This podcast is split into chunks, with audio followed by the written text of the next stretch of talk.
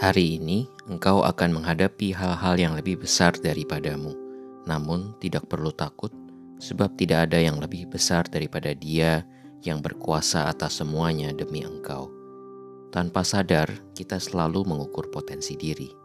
Batita yang baru belajar jalan berdiri dengan kaki yang goyah dan berpegangan pada lutut ibunya sembari mengukur kemampuan untuk berjalan menyeberangi ruangan kepada ayahnya tanpa jatuh terjerembab.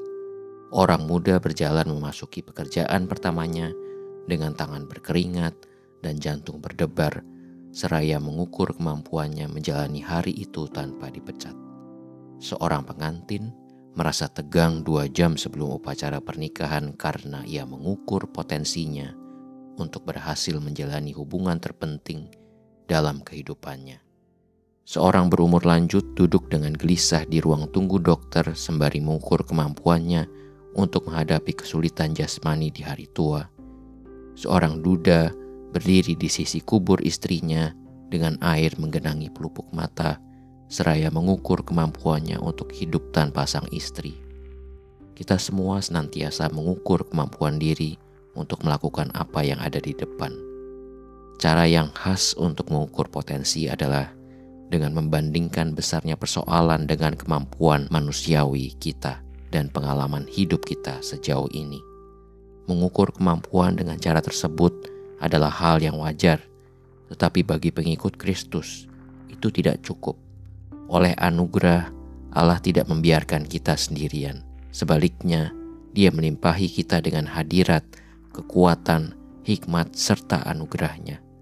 Paulus mengungkapkan realitas ini dengan perkataan yang mengubah hidup. Namun aku hidup tetapi bukan lagi aku sendiri yang hidup, melainkan Kristus hidup di dalam aku. Galatia 2 ayat 20. Tentu saja maksud Paulus bukannya dia sudah mati, sebab kalau demikian ia tidak mungkin menulis kata-kata itu.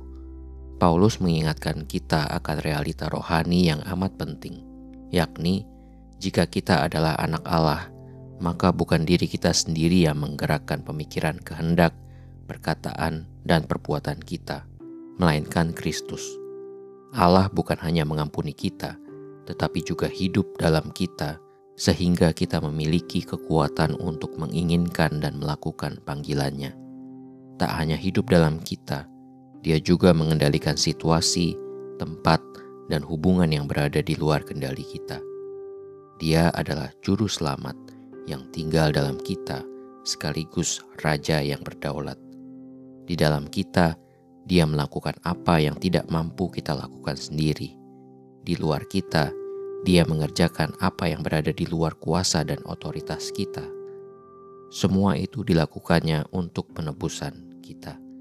Karena hal ini benar adanya, mengapa kita harus takut lagi?